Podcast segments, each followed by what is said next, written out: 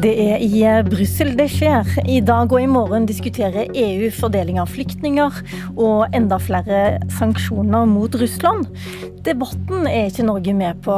Vi venter til de har bestemt, og så følger vi etter.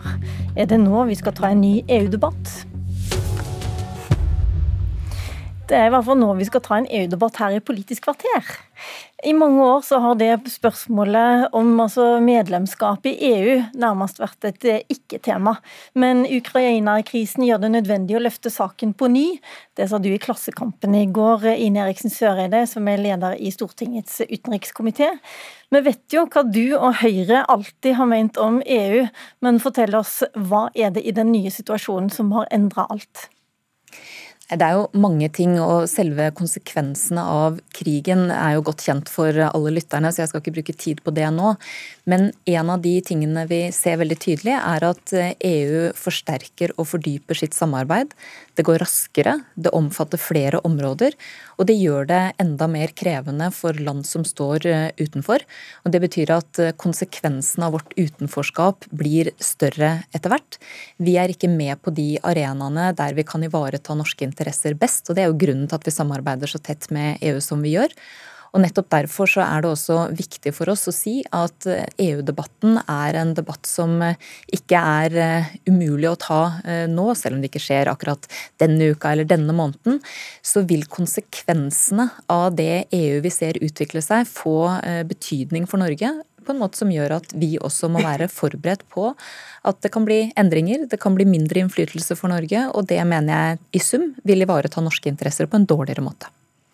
Hvordan føles det for det ene regjeringspartiet som garanterer at Norge ikke skal bli EU-medlem, å stå på gangen og følge etter alle de vedtakene som EU nå gjør? Marit Arnstad, parlamentarisk leder i Senterpartiet. Altså når det gjelder flyktninger og humanitært eh, arbeid, så har vi jo lang erfaring for et europeisk samarbeid. Eh, og det syns jo Senterpartiet er positivt at Norge er med på. Men det det nå handler om, er jo egentlig om du skal starte en ny debatt om medlemskap i EU. Høyre har jo bestandig vært for medlemskap i EU, og de benytter jo nå anledningen til å trekke fram det problemstillinga. Det må i tilfelle bli en mye bredere debatt enn det, den inngangen jeg, jeg ser at uh, Eriksen Søreide legger opp til her. For det er jo en debatt som handler om arbeidsliv, om energi, om folkestyre, om egen valuta, om, uh, om naturressurser, om distriktspolitikk. Altså Det er jo mange mange valg som da i tilfelle må tas. Når det gjelder forsvars- og sikkerhetspolitikken, så mener jo Senterpartiet at uh, at vi har vårt militære sikkerhet knytta til Nato, og at det er det som er det mest sentrale for Norge. Eh, og Der eh, har jo Norge vært en aktiv part siden 49, og det må vi jo fortsatt være eh, når det gjelder det spørsmålet. Men vi er forberedt på en EU-debatt. Vi syns kanskje timingen er litt spesiell, fordi at det er i den krisetida vi nå er i, så burde vi kanskje konsentrere oss først og fremst om å håndtere de aktuelle problemstillingene knytta til den krisesituasjonen som er i Europa. Men i den krisesituasjonen så har vi bl.a. en justisminister som har anklaga utenriksministeren fra Arbeiderpartiet til å være for lite aktiv i Team Europa, som hun sier. Sjøl har hun vært i Brussel og diskutert, men ikke vært med på beslutningen om flyktninger, f.eks. Men altså, det er helt åpenbart at vi kan, må, må samarbeide med europeiske land på denne type spørsmål som angår flyktninger og humanitært arbeid. Det har vi bestandig gjort. Og hva er og, og det, at du har en justis, det at du har en justisminister som er aktiv i forhold til det, er veldig bra. Eh, det er veldig viktig. Så er det også sånn at Norge i en del av de problemstillingene må gjøre noen egne vurderinger. Det har vi også vært opptatt av. Det gjelder bl.a. spørsmålet om stenging av luftrommet, det gjelder spørsmålet om Barentshavet og fiskeriforvaltning, det gjelder søk og redning i Barentshavet. Vi, vi gjør både egne vurderinger og vi samarbeider med de europeiske landene. Og Det syns jeg er helt naturlig, men at derfra å gå til en EU-medlemskapsdebatt, det er et helt annet steg. Og det omfatter en helt annen og mye bredere debatt. Sørede, ville en Høyre-styrt regjering ha håndtert samarbeidet med EU annerledes i disse dager? Vi vil jo sørge for å være veldig tett kobla på der vi kan. Og for oss er det jo viktig å peke på at det er konsekvensene av utviklinga i EU vi nå ser, som gjør det nødvendig å diskutere dette spørsmålet på nytt. Det er jo nå 30 år siden snart vi hadde EU-debatt sist i Norge. Og jeg tror men det Marit Arnstad. ja, men, Hadde dere gjort det på noen annen måte, eller syns du altså Arnstad sier jo at de samarbeider jo utmerket med EU, det går bra? Nå kan du si at dette er jo på mange måter det eh, geopolitisk optimalt verste tidspunktet for eh, den regjeringsplattformen vi har i dag, som vil utrede løsere tilknytning til EU og tettere samarbeid med Russland. Og Det at vi nå f.eks. skal bruke ressurser på å utrede hvordan eh, andre land utafor EU har håndtert sitt utenforskap, som altså er Storbritannia og Sveits, føles jo helt meningsløst i den situasjonen vi nå er. Og det føles også eh, ganske meningsløst, fordi nå er jo i tillegg Sveits eh, Det sveitsiske parlamentet har jo bedt regjeringa utrede EØS-medlemskap for Sveits. Men mitt poeng er følgende. Nå går utviklinga i EU så fort at det er helt naturlig at det også diskuteres i Norge, for det kommer til å påvirke vår evne til å ivareta norske interesser. På akkurat samme måte som Nato-debatten i Sverige og Finland nå har fått ny fart. Og jeg vil bare understreke én ting som jeg mener er viktig i denne sammenhengen. Vi kan gjerne snakke om de samarbeidene der vi, nei, de områdene der vi ønsker å samarbeide tettere med EU. Det er mange områder, eh, og det er viktig. Problemet kommer til å være at EUs si, kapasitet eller båndbredde til å håndtere samarbeid med land som ikke ønsker å være med fullt ut, kommer til å bli veldig mye mindre, fordi de øker tempoet og fordypningen i samarbeidet med de landene som er EU-medlemmer.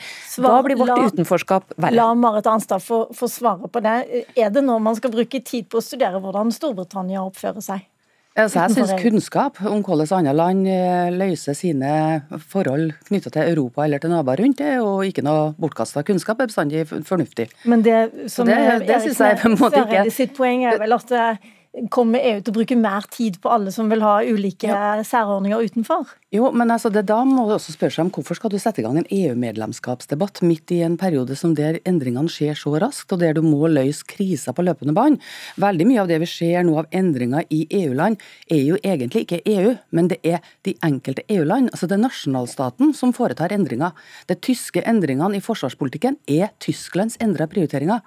Eh, Sverige og Danmarks, eh, Sverige og Finlands debatt om Nato er Sverige og Finlands debatt om Nato. Syns du det er bra at de tar den debatten om Nato? Jeg syns det er veldig interessant. Jeg syns det er naturlig at de tar den debatten. Det syns jeg er rimelig. Men det er unaturlig å ta den norske EU-debatten? Nei, jeg syns bare at vi på en måte altså Vi, vi har jo vårt Nato-medlemskap fra før av. Vi, har, vi, har, vi, kommer til å få en forsvarspolitisk debatt også i Norge. Den tror jeg er veldig viktig og nødvendig, akkurat som du har i, i en del av EU-landene. Eh, og Vårt Nato-medlemskap er jo ikke opp til diskusjon, det er jo så fjellstøtt. Eh, så vi har på en måte ikke den samme utfordringa. Og og EU-medlemskapsdebatten i Norge handler ikke om forsvars- og sikkerhetspolitikk i seg sjøl. Det handler om en rekke samfunnsområder i Norge som vi da må ta stilling til. Og der er på en måte altså det, Høyre kjører det inn som en sånn forsvars- og sikkerhetspolitisk sak nå, men det er jo en debatt om skal vi ha en egen valuta, eh, hvilken type folkestyre skal vi ha i Norge, hvilket arbeidsliv skal vi ha i Norge, og ryddige forhold i arbeidslivet, hvilken energipolitikk skal vi ha i Norge, hvordan skal vi forholde oss til naturressursene våre, fiskeri okay. og landbruk i tida framover. Det er en veldig bred og langvarig debatt. Senterpartiet er forberedt på å ta den når som helst, men vi syns det er litt rart tidspunkt akkurat nå. Jeg syns det er et veldig naturlig tidspunkt akkurat nå, fordi omveltningene som skjer i Europa, og ikke minst konsekvensene av de omveltningene, er store og kommer til å merkes godt for Norge. Og enhver regjering må prøve å titte framover og se på hva konsekvensen av det som skjer er. Men okay. vi er helt enige om Nato-medlemskapet, det er det ikke noen som diskuterer. Men Nato og EU samarbeider nå stadig tettere for å fordele arbeidsmengden på sikkerhet og forsvar. Det gjør ingenting med vårt Nato-medlemskap, men det gjør noe med vår tilknytning og samarbeid med EU. Utenriks- og forsvarspolitikk er de eneste områdene der Norge ikke inviteres f.eks. til uformelle ministermøter. Vi har et mye mer distansert forhold til EU på det feltet. Jeg tror det kommer til å få store konsekvenser. Jeg har invitert også med Magnus, Magnus Takvam, som er kommentator her i NRK, nettopp for å snakke om hva EU diskuterer akkurat nå. I dag og i morgen møtes eh, regjeringssjefene i, eh, i EU-landet. og De skal bl.a. diskutere strengere sanksjoner mot, mot Russland. Bl.a. om olje og gass eh, skal boikottes, russisk olje og gass. Hvor går frontene i den saken, og hva betyr det for Norge? Ja, Det er jo et trippeltoppmøte i Brussel i dag med Joe Biden, USAs president, på alle møtene. På EU-møtet for aller første gang. Og president Zelinskyj skal også delta Eh, digitalt da, på alle tre møtene i Nato, G7 og EU-toppmøtet.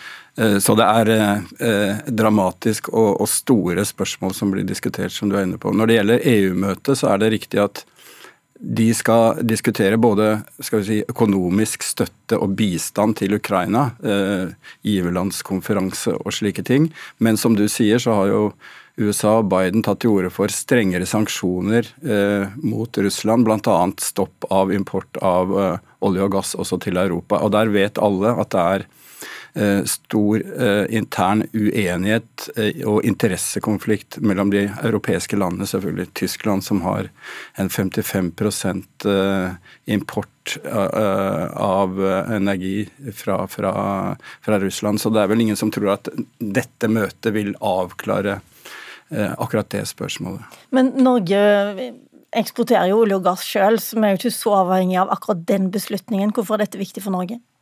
Altså, Norge er jo eh, viktig både som energieksportør av, eh, ja, i dette tilfellet kanskje særlig gass, så vi er jo eh, en integrert del av denne debatten på den måten, men også som konsument. Altså eh, Nasjonen Norge vil jo også få eh, svært store eh, effekter og merke konsekvensene av en forsyningskrise på energi i Europa med, med økte energipriser osv. Så sånn at Eh, det er nok da mange som mener at det hadde vært en fordel å sitte nærmere de, de eh, interne diskusjonene der, men det er jo en debatt som dere, dere har her i studio. Et annet punkt som, som eh, vil bli diskutert, er forslag om eh, å forby anløp av russiske båter til havner i Europa f.eks. Og det er jo også i så fall eh, en sak som, som der norske interesser er sterkt involvert. Og akkurat det er jo et eksempel på at Norge kan faktisk si nei til noen av de sanksjonene som, som EU bestemmer. Norge kan, har jo allerede sagt at, eller, at man ikke ønsker å utestenge russiske fisketrålere f.eks. fra norske havner sør i det. Så det betyr at vi har jo et selvstyre, eh, selv om vi følger mange av de sanksjonene. Ja, men vi har jo samtidig ikke muligheten til å være med på å utforme sanksjonene, som får konsekvenser for Norge. Og det er jo svært få av sanksjonene. Til nå er det bare én eh, som Norge ikke har slutta seg til. Og det gjelder altså hele tidsperioden fra 2014. Så her er jo egentlig spørsmålet hvorvidt vi ønsker å ha innflytelsen eller ikke. Og jeg er litt uenig i det Marit Arnstad sa i stad om at det først og fremst er en politisk endring i de enkelte landene dette handler om. Dette handler først og fremst om en betydelig konsolidering av samarbeidet i EU. EU som aktør står mye tydeligere fram, klarer å bli enig rekordraskt om sanksjoner, har en mye tydeligere framoverlent rolle i samarbeidet med Nato, og selvfølgelig overfor enkeltland. Okay, og det er der jeg mener... Jeg er nødt til å gå deg til deg nå, for jeg syns ikke jeg fikk noe svar på hva er fordelen med å ikke ha den innflytelsen og stå på Nei, men altså, Jeg har følelse av at Høyre av og til eh, forveksler internasjonalt samarbeid med medlemskap i EU.